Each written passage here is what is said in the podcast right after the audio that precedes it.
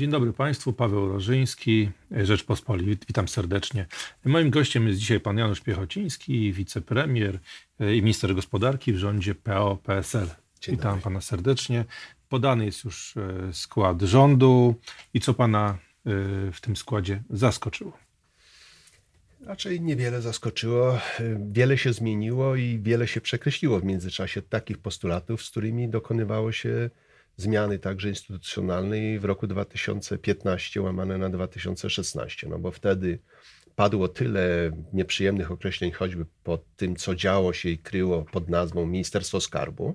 I oto miano to rozparcelować. W międzyczasie okazywało się, że było przedmiotem pewnych gier umacniania pozycji. Premier niektórym musiał odbierać te e, zabawki, ale taki sposób oddziaływania na spółki Skarbu Państwa, nie tylko zdaniem rządu, ale także myślę niezależnych ekspertów, okazał się wyjątkowo kosztowny, wyjątkowo nieskuteczny. Oddziały nie szły razem, nie było podobnych standardów, wielokrotne zmiany. Wystarczy popatrzeć, ile razy zmieniali się czołowi prezesi, wiceprezesi czy rady nadzorcze. To też nie służy stabilności. No mówimy o powołaniu Ministerstwa tak. Zasobów Naturalnych, czyli de facto jest to powrót idei Ministerstwa Skarbu. No, tak, i sensie, tak, chociaż to... Y, już na starcie, w mojej ocenie, ze względu na y, kandydata, który ma zarazem być wicepremierem, y, pana Jacka Sasina, pojawią się zapewne ze strony opozycji pytania i wątki, które znamy z przeszłości. No, na przykład, jak najbardziej zasadne będzie po doświadczeniem z panem Banasiem pytanie, czy wnioski z postępowań prokuratorskich w sprawie skoków z Wołomin zostały do końca wyjaśnione, bo pada tam w bardzo niekorzystnym świetle nazwisko także kandydata. I dobrze by było, żeby te sprawy ktoś ze służb powiedział, wyszedł i powiedział twardo, zweryfikowaliśmy, to był przypadek, nie miało to miejsca, nie ciągnęło się, nie ciągnęło się dalej, ale mam nadzieję w tym, co określił Jarosław Kaczyński rządzie kontynuacji, że nie będzie takich ciągłych rewolucji, bo przypomnę to, co było najbardziej ważne i w konsekwencji negatywne w tym etapie przekazywania władzy. To mieliśmy rewolucję polityczną w związku z wynikami wyborów, umocnienie się wszystkich opcji oddziaływania na państwo, na prawo, na konstytucję, prezydent, senat, sejm w jednym ręku. Wielka zaleta, a zarazem potężne zagrożenie. W mojej ocenie nie wykorzystano zalety, a stworzono gigantyczne zagrożenia, o czym za chwilę będą świadczyć kolejne orzeczenia Trybunału Europejskiego w sprawie praworządności w Polsce i kon z konsekwencjami wielkimi także dla systemu gospodarczego, ale także z gigantycznymi konsekwencjami ale... dla relacji gospodarczych. Ale panie no premierze, bo, bo jakby... Czyli to jedno. Drugie to była rewolucja mhm. instytucjonalna. Wszystko łączono, rozmywano na nowo, mhm. po to tylko, żeby choćby jak tak w obszarze służb rolnych przyspieszyć mm, wymianę e, kadr. E, no i trzecia to była wielka rewolucja kadrowa. Jeśli się robi takie trzy rewolucje, e, to proszę zwrócić uwagę, ja oddawałem gospodarkę ostatni kwartał 2,15, 4,6, to było wzrostu PKB, to było najwyżej w Europie, a uwaga, w 2016 ten rząd nie popełnił wielu błędów w praktyce, ale samymi słowami, niepewnością spowodował istotny spadek polskiego wzrostu PKB i w roku 2016 było istotne spowolnienie. No ale później mamy tempa. wzrost. No tak, ale później I... mamy wzrost, który się bierze z e, radykalnego wzrostu dopingu socjalnego wpompowaliśmy do gospodarki dużo dodatkowych e, pieniędzy. Pamiętajmy o tym, że w roku 2015, nie wypominam tego premierowi Morawieckiemu, ale czasami to przestaje być smutne, kiedy porównuje na przykład dochody tegoroczne Orlenu do Orlenu z 2015 i zapomina o tym, że ponad 30% jest w związku z zakazem handlu w niedzielę, jest z działalności handlowo-usługowej w niedzielę. E, e, Orlenu, tylko 70% stanowią dochody z ropopochodnych, tak to e, nazwijmy. W związku z tym to jest jakby istotne i ważne. I drugi obszar, taki niepokojący, to jest to, w obszarze klimat, środowisko. Z jednej strony zostaje Ministerstwo Środowiska jako ministerstwo regulacyjne, to, które ma stanowić prawa, działać na funduszach, y, zastanawiać się, jak y, y, dokonywać recyklingu odpadów, wydawać stosowne pozwolenia, a z drugiej strony ma być Ministerstwo Klimatu. Ja rozumiem, że mamy poprawiać klimat dla wyzwań klimatycznych w Europie i dla Polski, bo przypomnę, kandydat na ministra był głównym naszym rozgrywającym w zakresie Kongresu Klimatycznego w Katowicach. No ale tam chwaliliśmy się tym, że węgla w Polsce wystarczy na 200 lat, tam chwaliliśmy się orkiestrami górniczymi i krytykowaliśmy tych, którzy mówią, że trzeba przyspieszyć ochronę klimatu. Czyli Teraz... jaka rola Ministerstwa Klimatu no Więc... Czyli co, robienie lobbingu Myślę, myśl, myślę że te, ze względu, ze, tak, myślę, że ze względu na to, co się dzieje, bo przecież nie, nie tylko obcy, ale ostatnio PKO SA zapowiedział przecież, że w znacznym, znacznym stopniu ograniczy e, finansowania w projektach e, emisyjnych. E, czyli to pokazuje bardzo wyraźnie, że także instytucje finansowe, ubezpieczeniowe przechodzą na zieloną stronę mocy. Czyli to może jest znak taki, że potraktujemy poważnie sprawę klimatu no tak, i odejście tylko, od no tylko węgla. Pan, jest pan ministrem, jest pan ministrem środowiska i dotąd pan miał Narodowy i Wojewódzki Fundusz.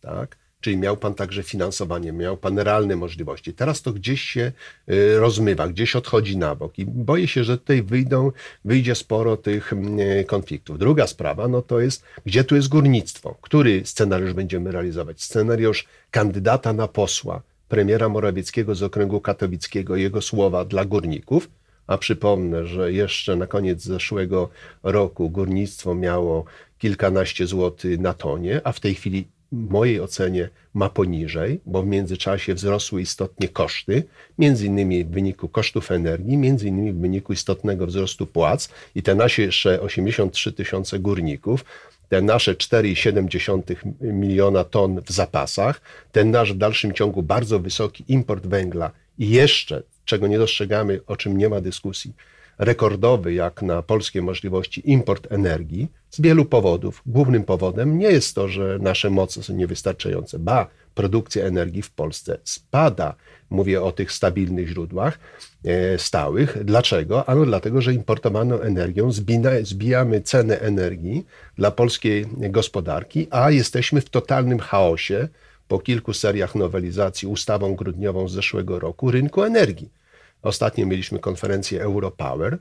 No i zapowiedź byłego już ministra energii, który mówi, polskie OZE ruszy po 2025. Łudzenie się tym, że oto wybudujemy 6 gigawat na farmach wiatrowych, kiedy widać wyraźnie, że ten proces jest znacząco opóźniony. Ba, tutaj z jednej strony napinamy mięśnie po polonizacji EDF-u, no to przypomnijmy sobie, po co było kupować stare zasoby węglowe za 4,2 miliarda, kiedy zgodnie z wymogami ochrony środowiska trzeba do nich dołożyć między 700 a miliard złotych rocznie. Trzeba było budować nowe.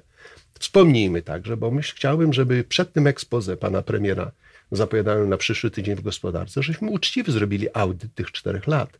Dlaczego? Dlatego, że słowotwórstwo i propaganda, która się pojawiła e, po 2015 w patrzeniu na gospodarkę w czołówce polskiej polityki, a z drugiej strony na taki krzyk ze strony koalicji opozycja też odpowiadała mało racjonalnie i w emocjach, no doprowadziliśmy do tego, że jakby urwało się to naszej rzeczywistości. I już nie chodzi o to, żeby kpić z miliona elektrycznych samochodów, ale zadać sobie pytanie, 140 milionów, które włożyliśmy do Electromobility Poland, co daje? Jaki jest rzeczywisty efekt? Dochodzimy do 7 tysięcy tych elektrycznych e, samochodów e, w Polsce, tak? Nie mówię już o tej perspektywie, czy będzie 500 czy 350 w 2025 ale roku panie, i o tych premierze, popatrzmy zamiast no. na razie rozliczać jakby ten rząd. E, Nie, ale to wie pan... Popatrzmy na, na te zmiany, które obecnie są. I, i na przykład jakbyśmy no. wrócili na chwilę do Ministerstwa Zasobów Naturalnych, tak, tak? czyli tak. takiego Ministerstwa Skarbu, czy jaki to, y, może mieć, jaki to może mieć sens? Czy to jest tak, że y, y, prezesowi Kaczyńskiemu już, prezesa Kaczyńskiego zmęczyły te wojny personalne, które tam się toczyły w różnych spółkach. Mówiło się, że tutaj ludzie Morawieckiego z ludźmi Ziobry i tak dalej. I chce wprowadzić tam no, no, no, no, nowy porządek, I, może nowy zamiast czy, patrzeć czy na to, jak podnieść efektywność zarządzania majątkiem Skarbu Państwa, majątkiem nas wszystkich, jak wzmocnić w nich tendencje inwestycyjne, bo mało kto zauważył, że cztery największe polskie spółki energetyczne są w stanie zaciągnąć kredyt pod przy, przyszłe, potrzebne inwestycje, o których się tak głośno mówi, nie wyższy w obecnych warunkach niż 14 miliardów złotych. A mówimy o potrzebie wydatkowej 60, 80, 100, 200 milionów. Same sieci energetyczne w różnych wariantach to jest do to miliardów. Jest, jaki jest Pana zdaniem cel właśnie tego? tego, no tego proste. No, cel jest po pierwsze tak, w tym, w tym, w tym makroekonomicznym wymiarze, tam to stare się nie sprawdziło, chociaż krytykowaliśmy naszych poprzedników i do tego, to, do tego chcemy wrócić. Po drugie, to jest na pewno wyciągnięcie wniosków, że wielu ludzi popaliliśmy w tym procesie, albo się popaliło, albo trzeba wstydliwie niektóre rzeczy chować. Na przykład konsekwencje Lex Obajtek. Pamięta pan, zarżnięcie wiatrowego OZE. To nie tylko 10H wysokości najwyższego wiatraka, odległość pierwszej zabudowy mieszkaniowej. To przede wszystkim doprowadzenie sytuacji, kiedy w tej chwili spółki na przemian kupują stare zasoby energetyki wiatrowej, żeby w ten sposób ukrócić roszczenia i odszkodowania, które w ramach tego procesu po 2016 wystąpiły. No i trzecie, ten wariant polityczny. Skoro następuje usamodzielnianie się, a lata płyną i prezes Kaczyński jest w coraz starszym wieku, skoro jest emancypacja polityczna dwóch y, współliderów, którzy uzyskali zaskakująco dobre wyniki. PiS poniósł koszty tej kampanii, a porozumienie i ludzie Ziobry zdobyli po te kilkanaście mandatów i bez nich nie da się nic zrobić. Stąd porozumienie mówi podpiszcie formalną umowę. Cztery lata temu nie było. W związku z tym Jacek Sasin, który pełni szczególną rolę w otoczeniu prezesa Kaczyńskiego, ale nie jest tym politykiem starego porozumienia centrum typu Lipiński, no, będzie mógł się tu spełniać jako kontroler, nadzorca, pilnujący kolejności dziobania. Z jednej strony nie... wielkie wyróżnienie, z drugiej strony współczuje, no bo będzie musiał ze wszystkie strony opędzać się od różnych roszczeń, a po trzecie ponosić gigantyczne konsekwencje. A nie zaskoczyło pana mm, jakby zniknięcie ministra finansów, pana Jerzego Kwiecińskiego, który zaskoczyło. bliskim współpracownikiem. Zaskoczyło i w mojej ocenie premiera.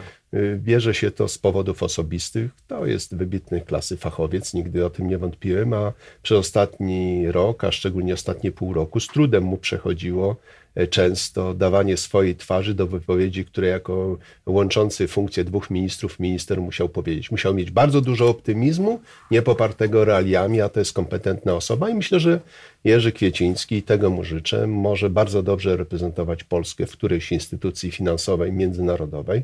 I oby tak się stało. Czy, czy Pana zdaniem, jakie są, największe, jakie są największe wyzwania w tej chwili przed, przed nowym rządem? Tak? Czy on będzie w stanie w ogóle dotrzymać obietnic wyborczych. Nie, no to już po pierwsze polityka polska nigdy w sypaniu hojnych obietnic nie była tak obfita jak w tej kampanii i niestety po stronach wszystkich. Wszyscy z łatwością mówili, że da się naraz poprawić wszystko i jeszcze, ponieważ y, rząd był autorem bardzo skutecznego planu politycznego opartego na zwiększeniu wydatków socjalnych, jakoś to będzie, pobudzimy konsumpcję, ludzie będą mieli więcej pieniędzy, budżet będzie miał z tych pieniędzy więcej podatków, gospodarka będzie miała więcej ruchu i to się kręci. No i usztywniliśmy znacząco e, wydatki. No i na razie Doszliśmy, się kręci, mamy to w przemyśle, a ta konsumpcja jeszcze tak, tak, ciągnie tą gospodarkę. Wie pan, no, na dwa lata czy na trzy przedsiębiorstwa, które nie inwestują, się modernizują, lekko pogarszając ich e, konkurencję na rynku, mogą się utrzymać. Ale teraz przychodzi chwila prawdy. Przepraszam, ale trzeba wrócić do przemówienia ekspoze pani premier, która mówiła, mamy bilion na rozwój. Pani premier, później pan premier Morawiecki już zrobił z tego półtora, mhm. półtora miliarda. Powołaliśmy Polski Fundusz Rozwoju, tak? No więc pytam, w takim razie, skoro mamy te pieniądze na rozwój, gdzie one są? I po drugie, dlaczego wskaźnik y, udziału inwestycji w PKB jest rekordowo niski? I to jest po prostu dramat. Więc y, mamy trzecie miejsce w latach 2015-2018 we wzroście konsumpcji, ale uwaga, we wzroście tempa inwestycji mamy przedostatnie przed Bułgarią w Unii Europejskiej. Wyciągnijmy z tego wnioski, nie mówiąc o tym, że nasza gospodarka to nie są tylko wielkie, także międzynarodowe koncerny, bo mało mamy polskich lwów e, międzynarodowych e, o silnej bardzo pozycji, a to jest ta mała i średnia przedsiębiorczość bardzo wrażliwa na co? Na podaż siły roboczej, koszty mm, personalne, koszty energii, no właśnie, a one mamy poszły. pensję minimalną. Czy, czy jest w stanie rząd osiągnąć te 4 tysiące? Ależ nie tylko ten rząd jest w stanie osiągnąć bardzo wiele. szczególnie w pensji minimalnej, kiedy nie budżet płaci za pensję minimalną poza wąską grupą budżetówki, tylko za to płaci przedsiębiorczość, a więc rząd tu może osiągnąć wspaniały efekt. No ale powiedzmy wprost, jest pan na samozatrudnianiu, czy prowadzi y, pojedynczą firmę. Musi pan mieć stabilnych przychodów powyżej 8 tysięcy, żeby sobie wypłacić, y, zapłacić ZUS, powiązany z, z pensją minimalną i żeby zapłacić sobie pensję minimalną. No to niech pan mi wskaże rodzaje działalności, na której na pewno nadchodzących 3, 4, 5, 6 miesiącach ma pan te 8,5 tysiąca brutta. Gdzie jest, są środki na rozwój? Ba, ale ja się nie dziwię temu, że z łatwością się to mówi. No, panu premierowi w końcu yy, ekonomiście, yy, jako drugie studia, przydarzyło się to, że powiedział, że w ten mniejszy ZUS będzie miał przedsiębiorca, który ma kilku pracowników. No więc, panie premierze, jak ma się kilku pracowników i płaci im się pensję minimalną, to się łamie wszelkie reguły bariery małego, małego ZUS-u. Dużo tutaj, i to trzeba jasno i wyraźnie powiedzieć, skąd się wziął w ostatnich tygodniach dramatycznie załamujący się PMI polskiej przedsiębiorczości. W mojej ocenie e, ten rekordowo od 10 lat najniższy wskaźnik jest trochę bardziej psychologiczny niż realny, bo jeszcze tak źle nie jest, ale to jeśli tak wielu przedsiębiorców to sygnalizuje, o czym myślę ze smutkiem. Wie pan od ilu czołowych polskich przedsiębiorców w branży przetwórstwa rolno-spożywczego dostaje jako prezes Izby Polska-Azja ofertę Janusz, znajdź mi Amerykanina, Żyda, Araba, Chińczyka, Japończyka, bo ja już mam dosyć się ścigać, widzę, że nie nadążam, a firma, żeby nie mam zmiennika, no więc przepraszam, przypominam, że mamy wielką wymianę pokoleniową w polskiej przedsiębiorczości. Chodzi panu pre, na prezesa, tak? Tak, jeśli mhm. więc, jeśli więc składa się na to i rosnące wymagania wobec przedsiębiorcy, a wielu małych, średnich przedsiębiorców, na przykład z zakładów fryzjerskich, przychodzi kobieta, która organizuje takiego typu działalność, mówi, słuchaj Janusz, ja za ostatni miesiąc wyjęłam z mojej firmy, mam trzy fryzjerki netto mniej niż moje pracownice no bo tak się pogorszyły te warunki, a jednocześnie ciągle słyszę, że szefowa słyszała, mówią, że znowu pensje w gospodarce wzrosły o 7%, kiedy, kiedy u nas. W związku z tym przypomnę starą zasadę, tej pilnowałem jako wicepremier i minister gospodarki, obejmując urząd, kiedy Polska miała 0,3 w pierwszym kwartale 2,13, oddając w czwartym kwartale 4,6, że E, płace poprzedzać musi rosnąca efektywność i wydajność pracy. Nas wszystkich. Uda się nam utrzymać, e, tak jak zapowiedział premier w przyszłym roku, budżet bez deficytu, budżet zrównoważony. Jak e, obumrze służba zdrowia albo przerzucimy do końca wszystkie ciężary wzrostu kosztów na samorządy, przypomnę, że tylko zmiany w picie odebrały samorządom 8,8 miliarda. Przypomnę, że już statystyczny samorząd zaczyna dokładać więcej do subwencji oświatowej niż dostaje. E, przypomnę, że jest ten ping-pong, kto powinien płacić e, koszty e, podniesionych płacy dla nauczycieli. No i o jednym trzeba powiedzieć. Rząd, który ze skutecznością wielką polityczną zainicjował proces mm, wsparcia socjalnego, to za jego władzy następuje totalna deregolada i załamanie systemu publicznej służby zdrowia.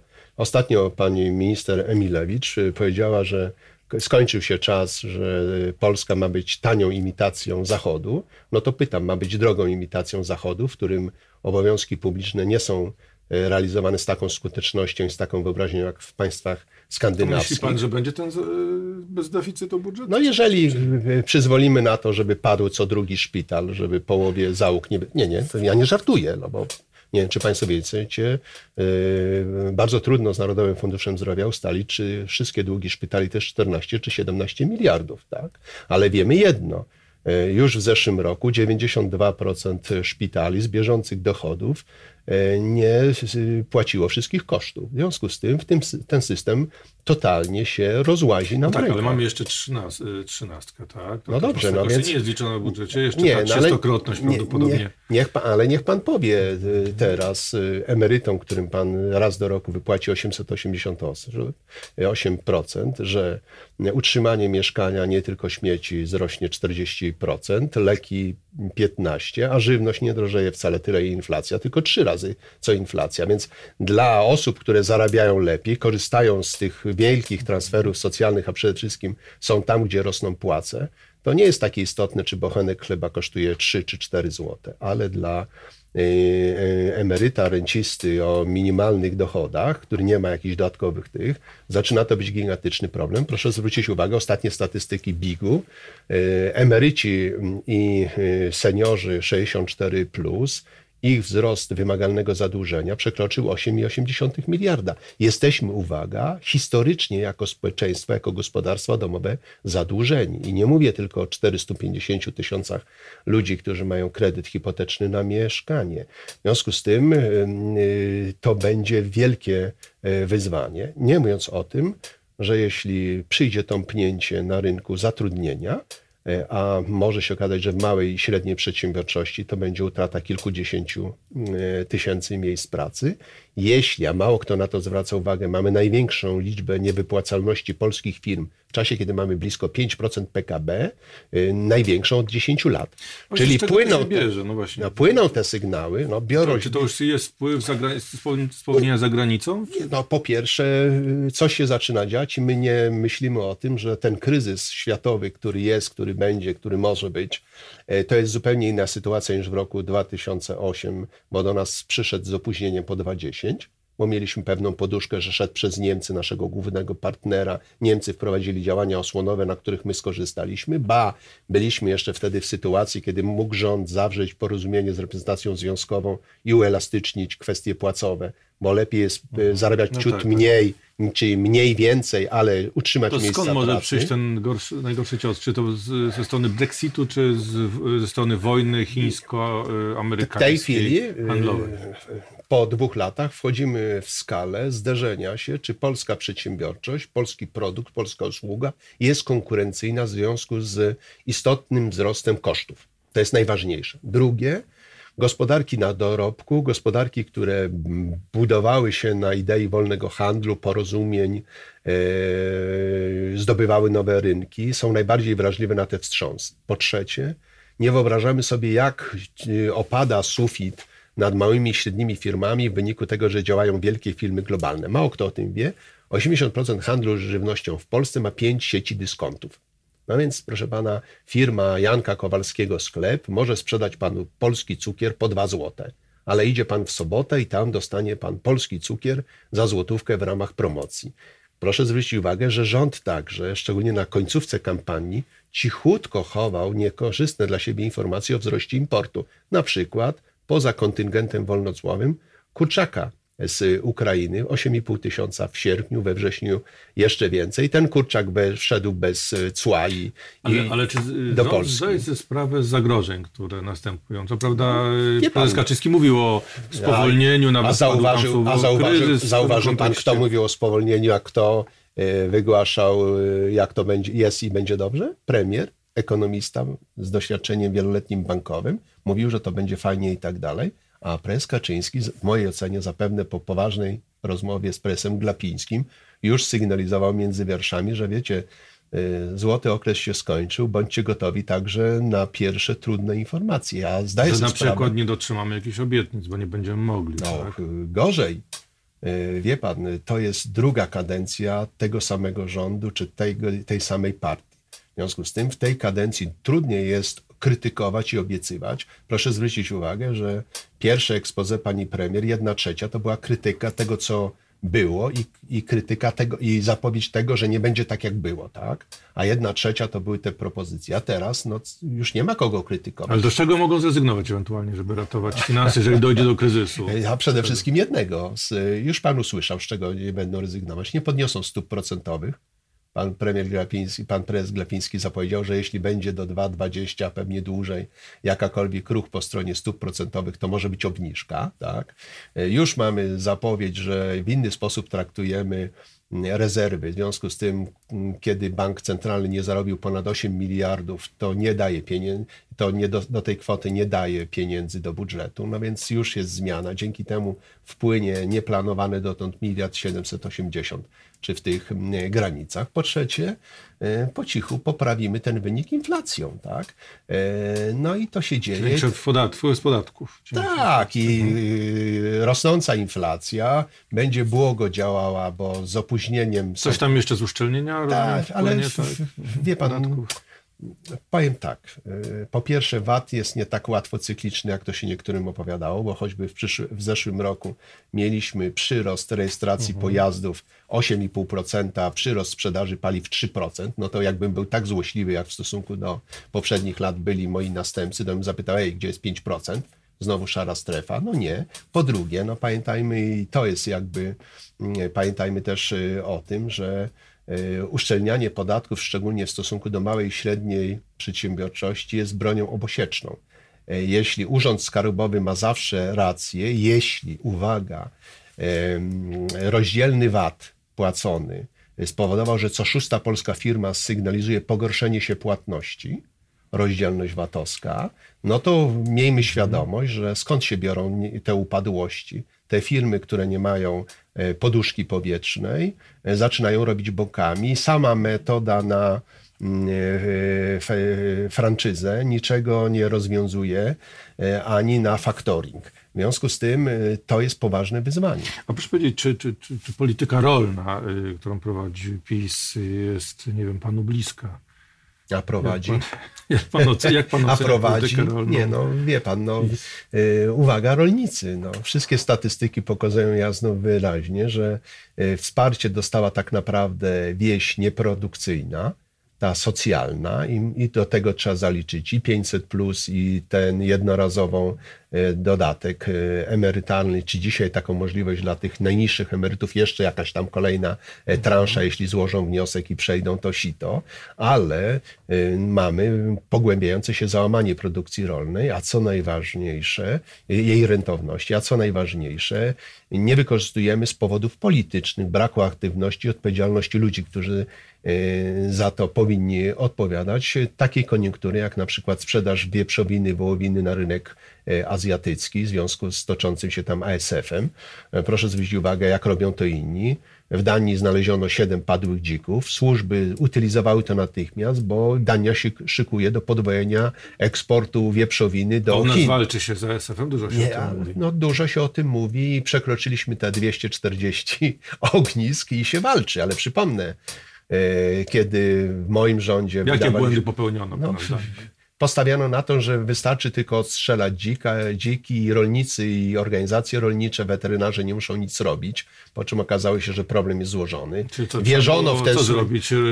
Jeszcze Separacja. Bio, bio, nie, biose, bioseparacja to twarde, to było nieprzyjazne, to spowodowało, że w roku 2015 w wyborach straciliśmy na, we wschodniej Polsce da, bardzo dużo głosów, no bo yy, dużo obowiązków spadało na producenta E, rolnego. Przypomnę, że były takie sytuacje, że z terenów zapowietrzonych wożono świnie do uboju do centralnej Polski. Całe szczęście się to nie, nie wydarzyło. Ale też nie mówiąc o tym, do czego dopuszczano.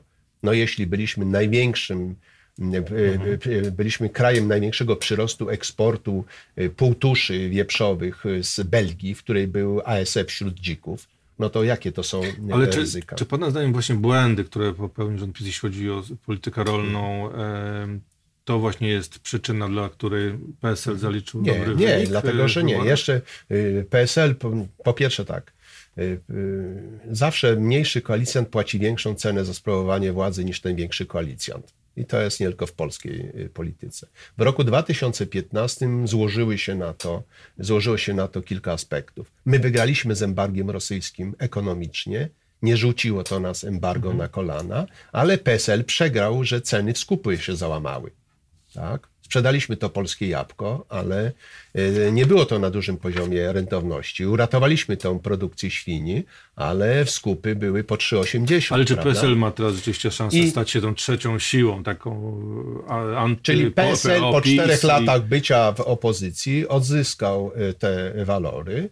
W wyniku tego błędu, w której braku alternatywy na opozycji uzyskał znaczący przyrost głosów w miastach, no bo część ludzi już miała dosyć tego to w takim razie... i tak dalej, a teraz ten najbliższy rok jest kluczowy na odzyskanie pozostałych wyborców wsi dla e, Europejskiej Ludowej Chadecji, którą jest Polskie Stronnictwo A czy Kosiniak-Kamysz zostanie prezydentem? Wie pan, powiem tak, w mojej ocenie prezydentem nie zostaje Andrzej Duda.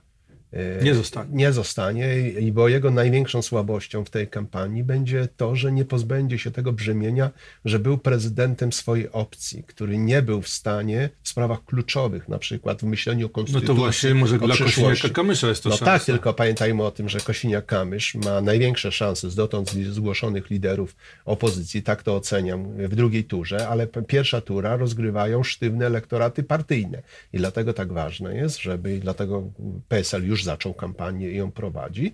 I to nie może być tylko kampania prezydencka Kosiniaka w sprawach polityczno-konstytucyjnych, to musi być kampania także PSL-u, przywracająca racjonalność zachowań polskiej małej i średniej produkcji w kraju za wielkim miastem, bo my jesteśmy tutaj od zawsze. Czyli tak do końca nie wierzy pan, że, że się uda? Nie, ale wie pan, powiem tak, no, doświadczenia Partii Ludowej są takie, że najlepszy wynik uzyskał Roman Bartoszcze w 90 roku, kiedy startował e, Lech e, Wałęsa i Tadeusz e, Mazowiecki, było to 7%, więc to, ma, to nie mogą być tylko głosy dzisiejszego PSL-u, żeby wejść do drugiej tury i o tym trzeba pamiętać. Dziękuję panu Dziękuję bardzo za rozmowę. Moim gościem pan Janusz Piechociński, wicepremier i minister gospodarki w rządzie PO-PSL.